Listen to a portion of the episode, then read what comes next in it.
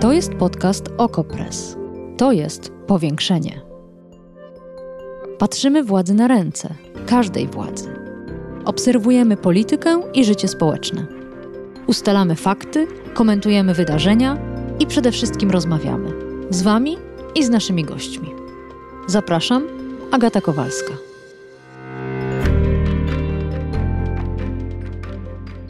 Niedawno zastanawialiśmy się w powiększeniu, czy Polska poradzi sobie bez rosyjskiego węgla, na który nałożyła embargo. Wnioski były dość ponure. Mimo zapewnień premiera i jego ministrów odpowiedzialnych za naszą energetykę, że wszystko jest pod kontrolą i że rząd ma plan. W środę rano Gazprom zakręcił z kolei Polsce kurek z gazem, a polski rząd ponownie zapewnił, że jesteśmy bezpieczni. Jak jest w rzeczywistości? Czy, jak chciałoby wielu, rosyjskie sankcje gazowe uderzą przede wszystkim w Rosję? I co zrobią kraje zachodnie? Kto zapłaci Putinowi w rublach, a kto przestanie być klientem Kremla?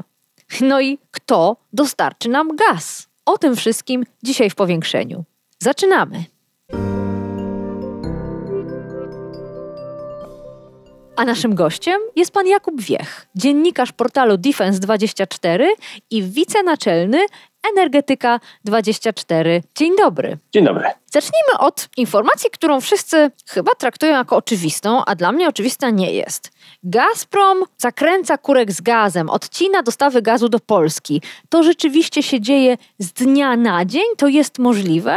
Tak, to jest możliwe, gdyż przesył takich paliw jak gaz odpływa się ciągle za pomocą infrastruktury w naszym zakątku świata, głównie rurociągowej, e, więc mogliśmy śledzić na punkcie wejścia w Konradkach, na punkcie wejścia w Wysokoje, jak ten przesył spada, jak leci wolumen przesyłanego e, do Polski gazu w dół. E, I e, to jest decyzja oczywiście podjęta przez stronę rosyjską. To jest wynik powiedzmy podejścia Gazpromu w kwestii do, do krajów, które nie przestawiły się na płatność za gaz w rublach. No więc Polska oraz, jak się okazało później, Bułgaria były pierwszymi państwami, jakie zostały obłożone takimi właśnie restrykcjami ze strony rosyjskiej, czyli odcięciem dostaw gazu realizowanych w ramach długoterminowych kontraktów. Mm. I myślę, że warto tutaj podkreślić, że chodzi o dostawy długoterminowe, bo to jest dosyć e, wyjątkowa sytuacja. E, tak się jeszcze nie zdarzyło, żeby Gazprom zakręcił kurek na tych e, dostawach realizowanych właśnie w ramach kontraktów długoterminowych, uważanych za stabilne i bezpieczne nawet przy pewnych zaburzeniach politycznych. Mm. No właśnie, Polska i Bułgaria. Dlaczego akurat te dwa kraje? Czy myśmy złamali zdaniem Gazpromu czy zdaniem Kremla umowę kupna sprzedaży? Dlaczego nie inni, tylko my? Cóż, zdaniem e, Kremla na pewno e, złamaliśmy wszystkie możliwe umowy i e, przede wszystkim dekret prezydenta Putina nakazujący przewalutowanie rozliczeń kontraktów na ruble. Natomiast dlaczego Polska i Bułgaria? Cóż, tutaj myślę, że jeżeli chodzi o stronę polską, powodów jest kilka. Przede wszystkim ta decyzja o wstrzymaniu dostaw przez Rosję zbiegła się w czasie z nałożeniem przez Polskę na 50 rosyjskich podmiotów i osób sankcji, sankcji, które uderzyły między innymi w Gazprom. W Gazprom w ramach uprawnień, e, które posiada ta spółka w podmiocie nazywanym Europol Gaz, e, który jest operatorem gazociągu jamalskiego w tej polskiej części. Co więcej, w tym samym dniu e, był w Polsce wicekanclerz Niemiec Robert Habeck, a z kolei polski premier Mateusz Morawiecki wizytował Berlin i podczas tych negocjacji udało się uzgodnić pewien wspólny polsko-niemiecki mechanizm obrony, czy też raczej uniezależniania się od dostaw ropy z Rosji, e, polegający na współpracy z jednej strony polskiego naftoportu, który może obsłużyć e, część niemieckiego zapotrzebowania na ropę e, naftową, właśnie umożliwiając dostawy surowca nierosyjskiego i przesyłać z, z Gdańska to paliwo do Niemiec, do rafinerii na przykład w Szwed, a z drugiej strony też Niemcy zadeklarowały gotowość uruchomienia swoich rezerw ropy naftowej na wypadek, gdyby trzeba było wesprzeć e, polskiego partnera. E, to jest e, taki ruch, który myślę, że został z niepokojem odebrany na Kremlu, więc sądzę, że to też mogło leżeć u podstaw tej decyzji strony rosyjskiej, zwłaszcza, że Rosjanie lubią robić takie rzeczy właśnie w pewnych doniosłych momentach, bo chociażby przepływ gazu przez gazociąg jamalski do Polski był już wstrzymywany na przykład przy okazji e, szczytu NATO w Warszawie, czy przy okazji wizyty prezydenta Donalda Trumpa. To były takie sygnały wysłane do Polski, że stronie rosyjskiej się te hmm. wydarzenia nie podobają. Hmm. Oczywiście do tego jeszcze trzeba należeć taki szerszy obraz, to znaczy zarówno Polska, jak i Bułgaria to są kraje, które e, mogą być traktowane jako rynki już dla Gazpromu stracone.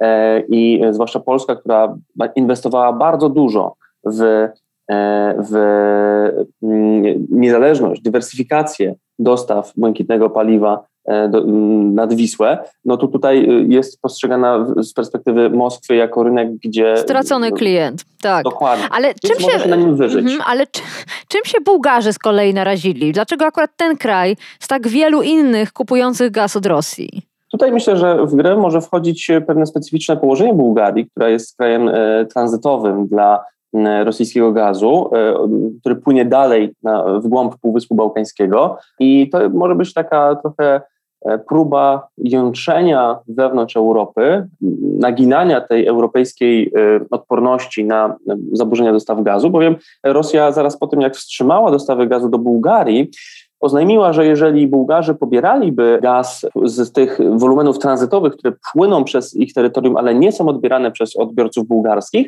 no to wtedy e, dostawy do Europy skurczą się o taki właśnie wolumen. Tylko e, nie zasygnalizowali, czy skurczą się właśnie na tych e, szlakach bułgarskich, czy może na jakichś innych.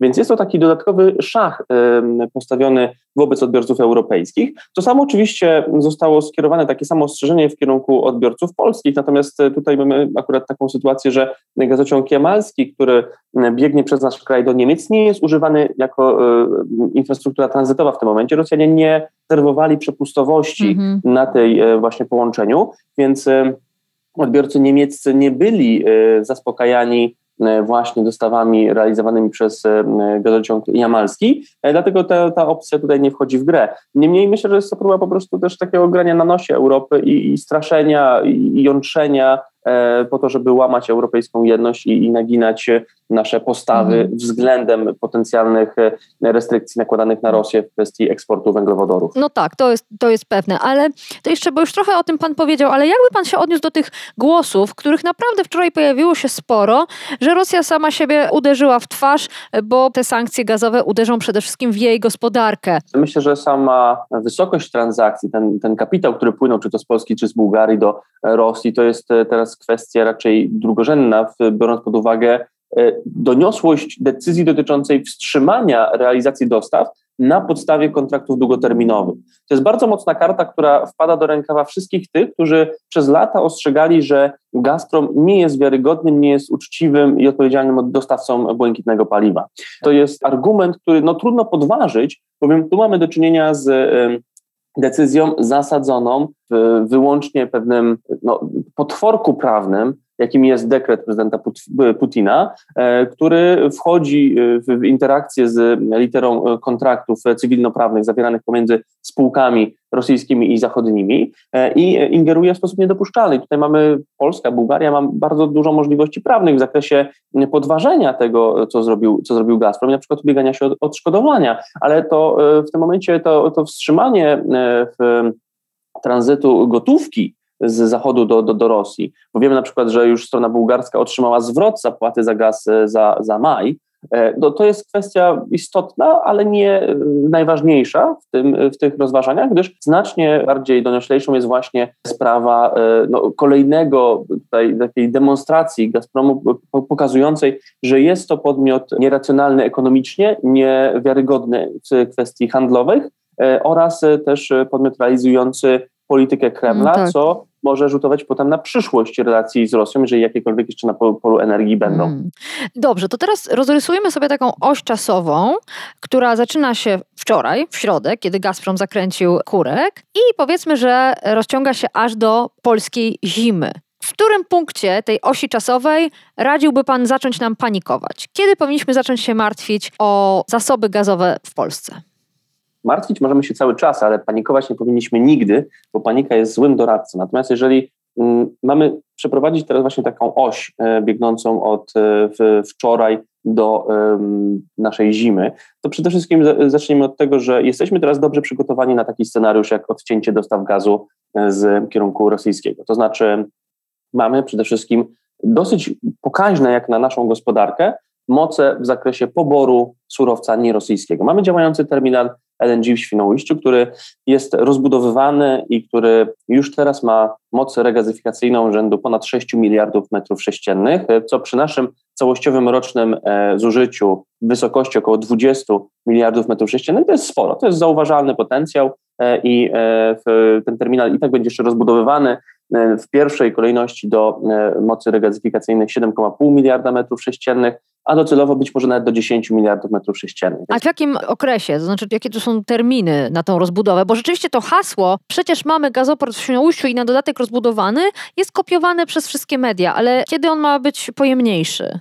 on już jest pojemniejszy względem powiedzmy swojej oryginalnej e, mocy regazyfikacji, czyli tych 5 miliardów metrów sześciennych. Teraz to wzrosło ponad miliard metrów sześciennych, natomiast e, docelowo w 2023 roku ma on osiągnąć e, poziom 7,5 miliarda metrów sześciennych po zbudowaniu trzeciego zbiornika, jego uruchomieniu i to będzie taka pojemność powiedzmy na, na parę lat, myślę, że, mm -hmm. że mhm. wyjściowa dla tej mm -hmm. infrastruktury. Do tego dojdzie potem zapewne kolejna rozbudowa myślę, że w terminie do 2027, może do 2028 roku, która powinna zwiększyć moc tego gazoportu do 10 miliardów metrów sześciennych. Więc tyle, jeżeli chodzi o Świnoujście i LNG. Do tego mamy już gotowy, ale jeszcze nieuruchomiony gazociąg GIP biegnący na Litwę do Kłajpedy, gdzie jest pływający gazoport, czyli pływający terminal typu FSRU e, i e, ten gazociąg, który będzie oddany do użytku 1 maja, ceremonia związana z tym będzie e, miała miejsce 5 maja, e, to e, da nam kolejne 2 miliardy metrów sześciennych, które możemy rocznie pozyskiwać właśnie z Kłajpedy, gdzie już od kilku lat działa Peginik. To jest tak naprawdę teraz nasza druga opcja poboru skroplonego gazu z kierunków nierosyjskich.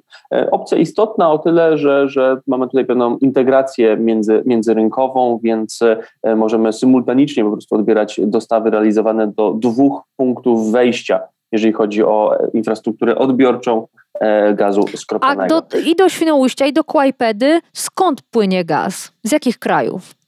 Głównie z Kataru oraz ze Stanów Zjednoczonych. To są dwie, dwa kierunki, które dostarczają w tym momencie, jeżeli chodzi o, o, te, o te porty odbioru, kluczową ilość błękitnego mhm. paliwa. Natomiast do tego dochodzą jeszcze dostawy spotowe, które mogą, mogą być realizowane na przykład z Norwegii e, czy z innych zakątków świata. Tam, gdzie akurat jest miejsce, dostawy spotowe po prostu kupuje się e, tak bieżąco, to są takie kontrakty zawierane e, powiedzmy z potrzeby chwili. Tak. Więc tutaj jest szeroka... No to, no to mamy te dwa mm, y, ważne kierunki, które Pan wskazał.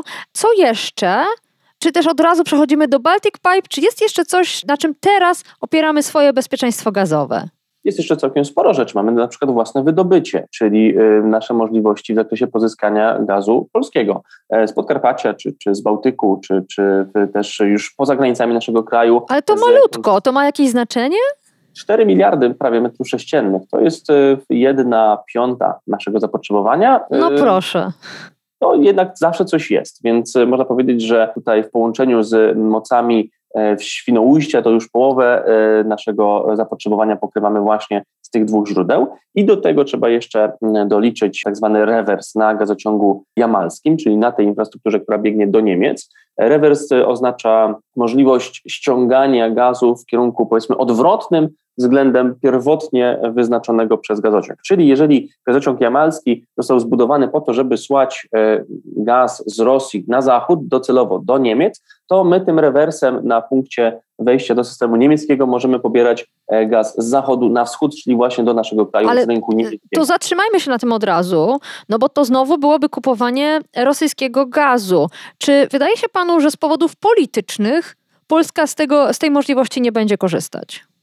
ten gaz na rynku niemieckim nie jest wyłącznie rosyjski. To jest też gaz norweski, to jest też gaz holenderski i generalnie trudno tutaj e, selekcjonować te paliwa po molekule, więc e, trzeba niestety zdać się na taki miks, który już funkcjonuje na mm. danym, danym rynku, więc kupowalibyśmy po prostu surowiec od pośrednika niemieckiego, trochę przymykając oko na to, skąd on pochodzi. Znaczy, to nie byłoby takie uzależnienie E, w tym politycznym e, aspekcie, które e, dotychczas powodowało Polską celem uniezależnienia się od dostaw gazu z, z Rosji, bo myśmy się cały czas obawiali właśnie takiej możliwości, jaka wystąpiła w środę, to znaczy wstrzymania dostaw. że po prostu Rosjanie zakręcą nam kurki i nasza gospodarka się posypie. Tutaj patrząc z perspektywy klienta niemieckiego, no to tutaj w Berlin, Niemcy jako największy odbiorca gazu rosyjskiego w Europie jest dosyć dobrze zabezpieczony tym właśnie skalą handlu, E, przed odcięciem gazu e, od, od, Rosji, więc tutaj to ryzyko jest mniejsze. No i do tego jeszcze dochodzi kwestia poboru gazu z kierunków e, holenderskiego, norweskiego, czy też możliwości poboru jeszcze z dalszych zakątków Europy, gdzie on dociera na przykład w formie LNG. Więc to jest tutaj na stole, jeżeli chodzi o, o ten rynek, nazwijmy to europejski, który otwiera się za naszą zachodnią granicą przy, przy właśnie możliwości poboru gazu rewersem. I do tego jeszcze trzeba doliczyć mały interkonektor z Czechami, gdzie również możemy pobierać, e, pobierać gaz. I to jest w zasadzie e, pakiet tych możliwości, e, czy to wydobycia, czy importu surowca do naszego kraju. I do tego jeszcze doliczmy magazyny, które są zapełnione w prawie 80%. Magazyny, które trzeba przyznać, że są dosyć dobrze wyposażone, jak na obecną porę roku, czyli na sezon po okresie grzewczym, więc tutaj też mamy pewną e, żelazną rezerwę na czarną godzinę. To teraz będziemy rozmawiać o Baltic Pipe, o której wszystkie media znów piszą, e, ma być dokończona do jesieni i kropkę stawiają. Zaraz się będziemy zastanawiać, co tam zostało do dokończenia, ale jeszcze na chwilę zatrzymajmy się na tych wszystkich elementach, które Pan wymienił, bo gdyby to chodziło tylko o Polskę i jej ewentualne braki jeśli chodzi o gaz, to myślę, że byśmy sobie poradzili. Ale takich krajów, które nagle zostaną bez rosyjskiego gazu albo same z niego zrezygnują, jest w Europie nagle więcej i będzie ich, jak przynajmniej deklarują poszczególne rządy, przybywać. Czy Polska da sobie radę, konkurując na skurczonym e, rynku gazu? Innymi słowy, czy uda nam się ten gaz tymi wszystkimi kanałami, które Pan wymienił, sprowadzać? Myślę, że tak, z tego względu, że te kanały są w dużej mierze już przygotowane zawczasu z myślą właśnie o porzuceniu dostaw e, gazu z surowcu e, z kierunku rosyjskiego. E, i patrząc na to, w którym kierunku zmierza rynek, to tutaj nie będzie na nas ciążyła taka groźba, że któryś z dostawców po prostu odmówi, czy z jakichś powodów politycznych E, pokrzyżuje nam, nam szyki. E, projekty, które, na których oparliśmy naszą dywersyfikację, to są projekty realizowane z państwami sojuszniczymi, partnerskimi, nie ma tutaj konfliktu interesów. E, I jeżeli chodzi o sam Baltic Pipe, no to to jest rura, która biegnie na szelf norweski, gdzie na rynku właśnie północnym, nazwijmy to, będziemy kupować ten gaz. Istotną część, zauważalną część przepustowości, które w tym momencie ma e, zabukowany e, PGNiG na tym gazociągu, będą zaspokajały własne koncesje PGNiG-u. Bo my tam mamy koncesję jako, jako, jako Polska, tam wydobywamy gaz i e, pewną część Baltic Pipe będzie mógł zapełnić gaz pochodzenia właśnie powiedzmy polskiego w tym znaczeniu, że pochodzący z polskich e, koncesji. Do tego, jeżeli chodzi o segment LNG, e, no to tutaj opieramy się na długoterminowych, już zawartych umowach ze stroną przede wszystkim amerykańską oraz katarską. To są długoterminowe kontrakty, więc one dają dużą rękojmię pewności wykonania. Znacznie większą oczywiście niż e, jakiekolwiek kontrakty spotowe. Więc pod tym względem jestem raczej spokojny, że, że to tutaj te zaburzenia na rynku, które oczywiście są obecne, nie będą rzutować na polskie możliwości w zakresie zaspokojenia własnych, e, własnych potrzeb. E, a co do też odejścia państw unijnych od gazu rosyjskiego, jakkolwiek oczywiście wszyscy tego oczekujemy i wszyscy spodziewamy się, że Europa odetnie to źródło finansowania strony rosyjskiej, które jest bardzo istotne dla Rosji, bo Rosja ze sprzedaży gazu oraz ropy finansuje około jedną trzecią swojego budżetu, w zasadzie nawet ponad jedną trzecią budżetu swojego państwa. Natomiast patrząc na obecne działania, to o ile węgiel e, jako towar eksportowy Rosji został już zablokowany e, w Unii Europejskiej, teraz czekamy na wejście w życie tej decyzji, e, o ile ropa jest bliska temu, żeby zostać właśnie obłożona embargiem, o tyle gaz jest traktowany jako paliwo, które na razie i tak będzie płynąć. Nie ma tutaj w zasadzie żadnej y, takiej solidnej politycznej konstrukcji wytworzonej w ciągu ostatnich tygodni, która mogłaby wskazywać, że Unia Europejska faktycznie rozważa embargo na rosyjski gaz. Mhm. Więc, to zaraz jeszcze porozmawiamy o tych krajach, które być może chciałyby wykonać podobny ruch jak Polska, czyli odmówić płatności w rublach i w efekcie zostać obłożone sankcjami rosyjskimi, ale to za chwilę. Jeszcze na sekundę zajmijmy się Baltic Pipe, bo tak jak mówiłam, wszyscy powtarzają, że jest prawie gotowa. Co to znaczy prawie? Czego tam brakuje i czy ten e, projekt zostanie w terminie oddany? Brakuje tak naprawdę dwóch e, elementów. Brakuje infrastruktury po stronie duńskiej w zakresie tamtejszego systemu e, gazowego oraz brakuje mm, już infrastruktury lądowej w Polsce, czyli na przykład poczni gazu, które są teraz budowane chociażby w Goleniowie e, i w dalszej infrastruktury przesyłającej dalej ten gaz w głąb kraju. Natomiast to jest już to są te elementy, które buduje się stosunkowo łatwo. Aha, bo, bo, brzmi to dosyć poważnie. Ja myślałam, że pan powie spokojnie, wszystko zbudowane, tylko jeszcze papiery muszą przepłynąć,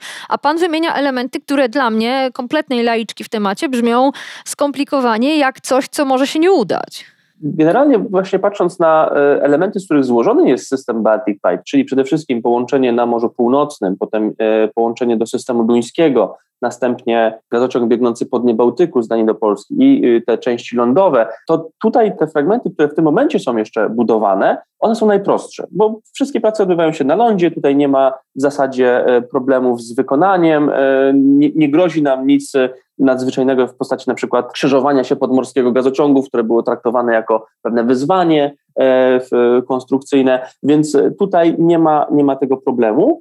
Ten najtrudniejszy element systemu Baltic Pipe, który polegał na przeprowadzeniu rury z Polski do Danii po dnie Bałtyku, już jest gotowy, więc to już jest za nami. Także możemy z dużą dozą pewności założyć, że projekt Baltic Pipe zostanie zrealizowany na czas, e, czyli do, do, do początku e, października e, tego, tego roku i osiągnie swoją pełną przepustowość na przełomie 2022-2023 mhm, roku. Mhm. Tutaj jesteśmy w zasadzie o to spokojni. Te prace oczywiście są monitorowane cały czas, jeżeli chodzi o wykonawstwo. Mieliśmy pewien taki moment wstrzymania prac w Danii ze względu na e, problemy z decyzją środowiskową, ale to już jest też za nami, to już jest rozwiązane, więc ten formalno-prawny aspekt również już jest e, przepracowany. E, warto jeszcze raz podkreślić, że budujemy ten projekt we współpracy z naszymi partnerami, z Norwegami, z Duńczykami, którzy również czerpią z niego korzyści. Tak. Norwegowie sprzedają gaz, a, no. a Duńczycy też wyposażają swój system. A no właśnie, bo my tu tak rozmawiamy o tym, jakby jak już powstanie ta, ta piękna rura, to już właściwie problemy rozwiązane, ale jeszcze o dziwo trzeba za ten gaz z Norwegii zapłacić. Pojawiają się obawy, że będzie potwornie drogi, że w efekcie w Polsce bardzo zdrożeje gaz. Zastanawiam się, czy to jest prawda i czy rzeczywiście ten gaz rosyjski jest tańszy i dlaczego miałby być tańszy, skoro to także gaz. Gaz kupowany w Norwegii będzie kupowany w zasadzie nad tym samym mechanizmem, który jest kupowany obecnie gaz rosyjski na mocy kontraktu jamalskiego. No przynajmniej był kupowany. To jest e, mechanizm giełdowy, polegający na tym po prostu, że cena jest indeksowana do aktualnej ceny giełdowej w Europie e, i w oparciu o to e, dokonana jest transakcja. Tutaj nie ma różnic, więc tutaj nie grozi nam nagłe załamanie rynku ze względu na gigantyczny skok cen gazu. Czegoś takiego nie będzie. E, oczywiście, biorąc pod uwagę sytuację na rynku gazu w Europie, no ona jest trudna w tym momencie, ale to nie jest e, utrudnienie wynikające z tego, że porzucamy gaz rosyjski na rzecz gazu norweskiego, tylko ze względu na to, że Rosja wywołała kryzys gazowy, który dołączył jakby do zaburzeń związanych jeszcze z czasem pandemii e, i z pewną dysproporcją podażowo-popytową, która się na rynku energetycznym pojawiła. Ale tutaj wstrząsu nie będzie, to będzie gaz kupowany po e, cenach rynkowych. A dlaczego gaz rosyjski jest tańszy? On może być tańszy. E, on był przez bardzo długo dla Polski droższy o czym świadczy chociażby wygrana PGNiG-u przed Trybunałem Arbitrażowym w Sztokholmie, na mocy której polska spółka otrzymała od Rosjan 6 miliardów złotych nadpłaty, właśnie ze względu na zbyt wysokie ceny gazu oferowane stronie polskiej przez stronę, stronę rosyjską. To wynikało z no, niezwykle nierynkowej formuły cenowej, która była zawarta w e, kontrakcie jamalskim, która dociążała polską, polską gospodarkę. Więc teraz uwolnienie e, tych zakupów gazu i oparcie ich na warunkach rynkowych, no, w normalnych okolicznościach będzie nam sprzyjało, bo, bo gaz w Europie jest zazwyczaj tani. Teraz oczywiście mamy zaburzony rynek, ale to jest, e, miejmy nadzieję, sytuacja chwilowa i dużo wskazuje na to, że, że e, te perturbacje, chociaż potrwają jeszcze kilkanaście miesięcy, to w dłuższej perspektywie, w perspektywie kilku, kilkunastu lat, przejdą do, do, do historii ja, i będziemy mieć to, to mnie, mnie cieszy ta pana perspektywa kilkunastu lat, ale są ci, którzy ogrzewają domy gazem i rzeczywiście mocno się martwią, a z tego co rozumiem, my kontrakty z Norwegami podpiszemy na wiele lat, a nie, nie będziemy kupować ad hoc e, tego gazu norweskiego. Więc co jeśli na lata podpiszemy umowę z bardzo wysokimi cenami? E, te kontrakty zazwyczaj się indeksuje. E, indeksuje się do ceny gazu, na przykład na rynkach europejskich. Tak jest w tym momencie sformułowany, sformatowany kontrakt jamalski, który oczywiście nie działa, ale posłużę się nim jako przykładem. Więc ta formuła jest dynamiczna. Ona zawiera mechanizm, który dostosowuje ceny do e, sytuacji na e, rynkach, aktualnej sytuacji e, cenowej. Więc tutaj są pewne wahania, wahania, które właśnie umożliwiają korektę tych cen w zależności od tego, jak wygląda sytuacja na rynku, więc zapewne takie też mechanizmy, tylko już nie opatrzone pewnymi politycznymi zaszłościami, tak jak to ma miejsce w kontraktach z Rosjanami, będą zawierać również kontrakty norweskie. Dlatego nawet jeżeli teraz sytuacja na rynku jest nieciekawa, to po jej ustaniu, po wyhamowaniu tych galopujących cen rynkowych, wszystko powinno wrócić do normy. I kontrakty będą przewidywały właśnie taki mechanizm, taki zawór bezpieczeństwa, obniżający te ceny wtedy, kiedy spadną one na rynkach. Ależ z pana optymista, to tym chętniej zadam kolejne pytanie dotyczące krajów zachodnich. Mówiło się, że tylko Węgry zamierzają dalej kupować rosyjski gaz i płacić zgodnie z wolą Moskwy w rublach. A tu nagle wczoraj pojawiła się informacja, że 10 kupujących, 10 państw, miało już otworzyć konta w rublach, a czterech już wręcz zapłacić za gaz w rosyjskiej walucie. Dzisiaj od rana sprawdzam informację, ta liczba krajów się trochę zmienia. Zaczynają być podejrzenia, o kogo może chodzić.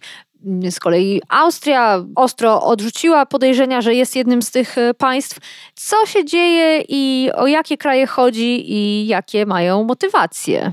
Cóż, właśnie analizując te informacje, zastanawiałem się, czy chodzi o 10 państw, czy 10 podmiotów w rozumieniu spółek, bo to by nam zawęziło pewien obszar poszukiwań -hmm, prawdopodobnie. Mm -hmm. Natomiast e, to jest oczywiście też e, taki chaos informacyjny, wzajemne oskarżenia, wzajemne podejrzenia. To jest coś bardzo na rękę stronie rosyjskiej, nie ukrywajmy. E, Rosjanie myślę, że celowo mogą wpuszczać takie informacje, czasami może nawet przesadzone, żeby w ten sposób jączyć w Europie. To jest normalny element pewnej operacji psychologicznej, którą Rosjanie stosują w takich w takich sytuacjach. E, szczerze mówiąc, spodziewałem się, że, że mm, w związku z wywołanym przez Rosję kryzysem gazowym w zeszłym roku e, Rosjanie będą nas, nas teraz zarzucać informacjami o e, tanich, niskich cenach, które są oferowane niektórym klientom w Europie, po to, żeby właśnie podburzać społeczeństwa łaknące taniego paliwa. No ale mamy inną sytuację, związaną oczywiście z rozpoczętą przez Rosję wojną i Tutaj gra teraz przebiega według płatności w rublach. Jakie to mogą być e, kraje? Cóż, e, w takim naturalnym odruchu e, wzrok padł poza Węgrami, które zadeklarowały już otwarcie gotowość płatności w, w, rublach, na Niemcy oraz Austrię, na bardzo dobrych i dużych klientów Gazpromu, które którzy mm, powiązali się infrastrukturalnie też z, z rosyjskimi e, podmiotami za pośrednictwem gazociągu Nord Stream i potem za pośrednictwem e, pewnych kanałów wewnątrz Europy, które służyły do transferu rosyjskiego gazu w głąb kontynentu. Natomiast Austria odżegnała się od tych osądzeń. Pytanie, czy, czy Niemcy tutaj również się odżegnają, czy jednak milczeniem potwierdzą te, te zarzuty. Do tego myślę, że do tego grona myślę, że można zalecić e, Francję, być może Holandię, e, które również e, importują gaz z, z Rosji. No, pytanie, kto jeszcze? Pytanie, jakie jeszcze kraje tutaj możemy mieć na, na uwadze? Ich może być trochę. Pytanie właśnie, czy, czy to jest, bo pierwsze informacje dotyczyły czterech państw, a potem pojawiły się informacje o właśnie dziesięciu podmiotach, które mogą być już zaangażowane w te, te transakcje. E, na razie myślę, że, że możemy tylko spekulować, ale tutaj te wzajemne oskarżenia chyba nie sprzyjają sytuacji. Ja sądzę, że to i tak się wyklaruje, e, a wiemy na pewno, że płatności w rublach nie dokonały Polska i Bułgaria, bo tam gaz został po prostu odcięty. Tak, to jest taki test prawdomówności, można powiedzieć. No to jeszcze chwilę o Niemczech. Wydaje się, że trochę nie mają wyboru nie mają gazoportu, uzależnili się od rosyjskiego gazu. No i cóż teraz mogą począć? Mają jakieś inne opcje? Cóż, to jest bardzo trudna pozycja, w której się teraz znajdują, gdyż Niemcy budowali swoją politykę energetyczną przez lata na takiej bezalternatywności, zasadzonej na koncepcji ekonomiczno-politycznej, która wskazywała, że Rosja związana z Zachodem potężnymi mm, e, umowami na dostawy surowców, umowami, które będą Rosję wspierać e, ogromnymi kwotami e, i środkami finansowymi, to, to, to, ta Rosja skupi się na samodzielnym rozwoju, na, na budowaniu dobrobytu w swoim społeczeństwie i odpuści te cele militarne, cele geopolityczne, cele tak, jakiegoś Ta polityka zmiany przez handel. Tak, dokładnie. Nie udało jest, się.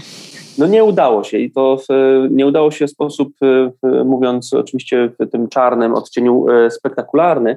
Natomiast e, to jest e, ciekawe, to jest polityka zasadzona jeszcze na takiej narracji ukutej za Związku Sowieckiego, który argumentował budowanie gazociągu jamalskiego, czyli tego połączenia, które przebiega przez Polskę, takim hasłem, gdzie się buduje, tam się nie wojuje.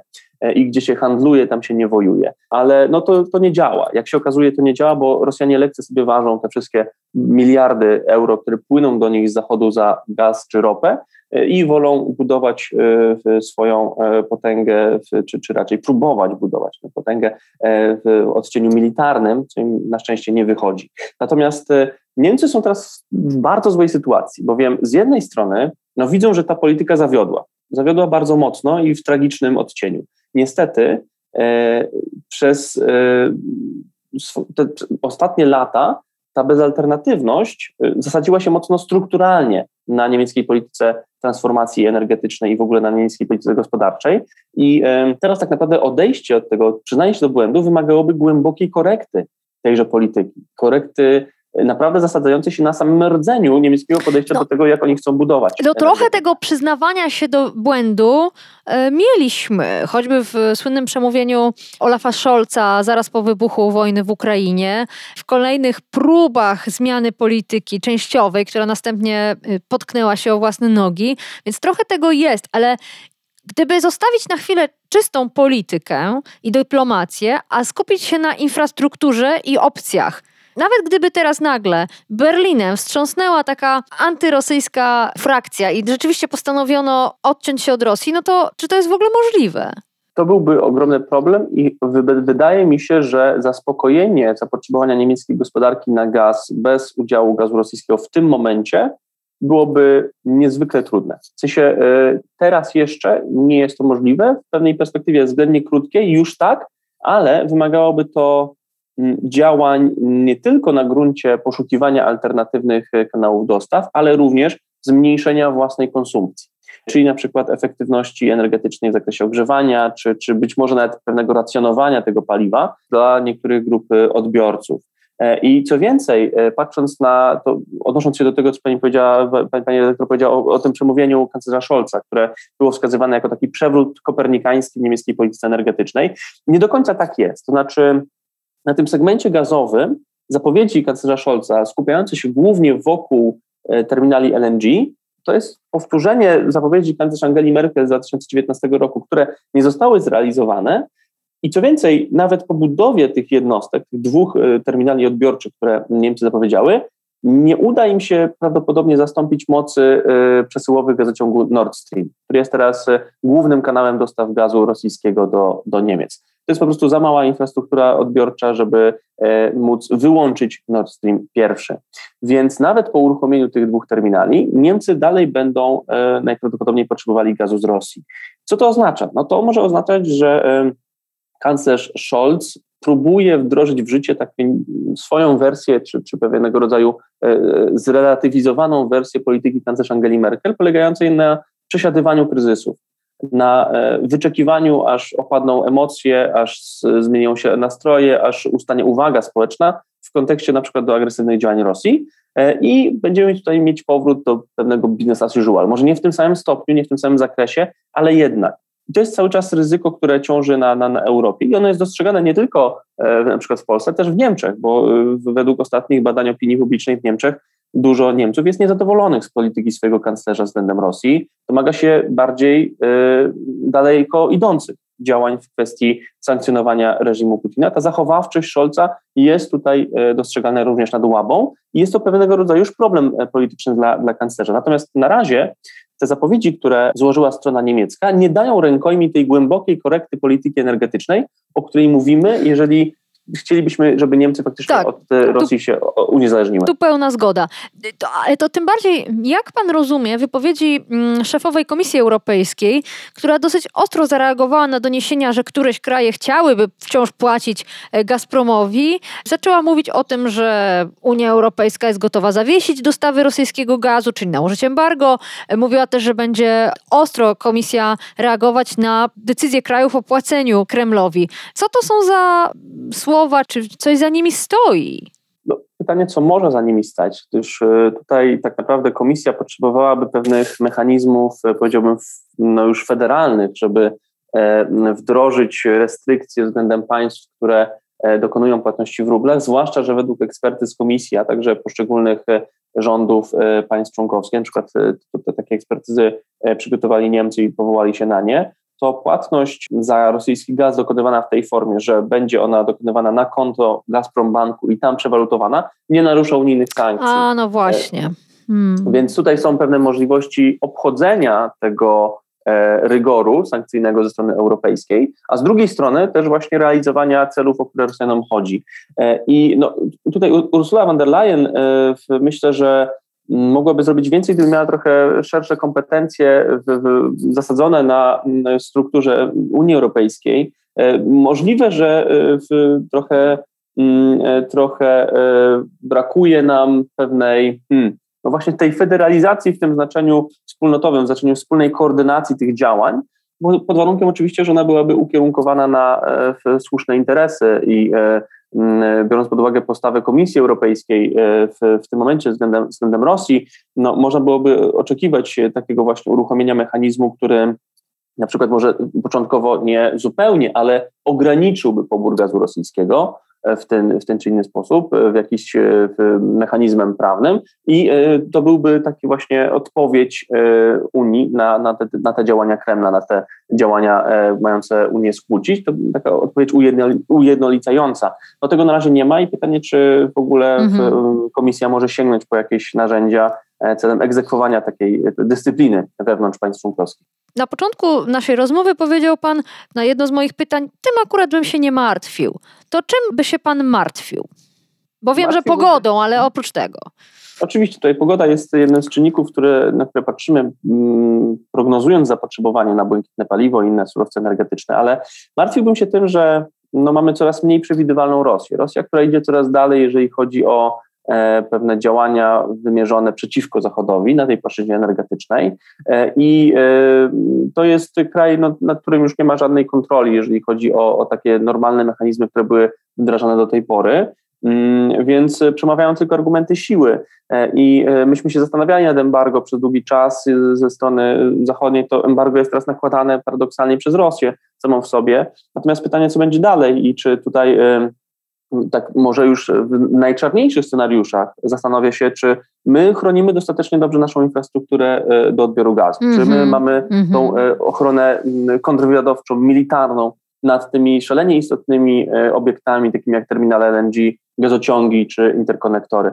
Bo ja nie, nie wykluczam, że Rosjanie mogą się posunąć do dywersji. To teraz wszystko jest, wszystko jest na stole. I z drugiej strony obawiam się tego, że mimo wszystko wrócimy do biznes as usual z Rosją, ze względu na e, pewne problemy gospodarcze w dłuższym terminie, te czy inne, na chęć wyhamowania inflacji, na, e, pewną chęć ulżenia społeczeństwom, e, które będą narzekały na wysokie ceny surowców czy, czy innych produktów, że wrócimy do tego biznesu usual nie tyle nawet po zakończeniu wojny toczonej przez Rosję na Ukrainie, ale nawet jeszcze przed zakończeniem tej wo wojny, nawet z Władimirem Putinem na Kremlu. Tego chyba się obawiam najbardziej. Mam nadzieję, że jednak do tego nie dojdzie. Nadzieję wyrażał Jakub Wiech, dziennikarz portalu Defense24 i wicenaczelny portalu Energetyka24. Bardzo dziękuję za to spotkanie. Dziękuję serdecznie.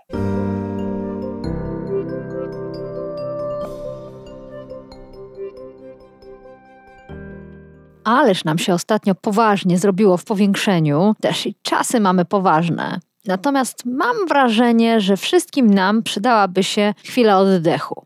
Marzy mi się podcast o przyrodzie albo o odkryciach naukowych. Czy Wam też? Jeśli macie ochotę na odcinek, w którym nie pojawi się słowo wojna, bezpieczeństwo energetyczne i strategia Putina, to piszcie. Może uda mi się przekonać redakcję. agata.kowalska.małpa.oko.press Czekam na pomysły, komentarze i do usłyszenia w następnym odcinku. Powiększenie. Podcast Okopres. Prowadzenie Agata Kowalska. Podcast znajdziesz na stronie Okopres i w Twojej ulubionej aplikacji do podcastów. Redakcja Okopres działa od 2016 roku. Jesteśmy obywatelskim narzędziem kontroli władzy, obecnej i każdej następnej. Okopres utrzymuje się z Waszych darowizn. Wesprzyj nas, byśmy mogli działać dalej.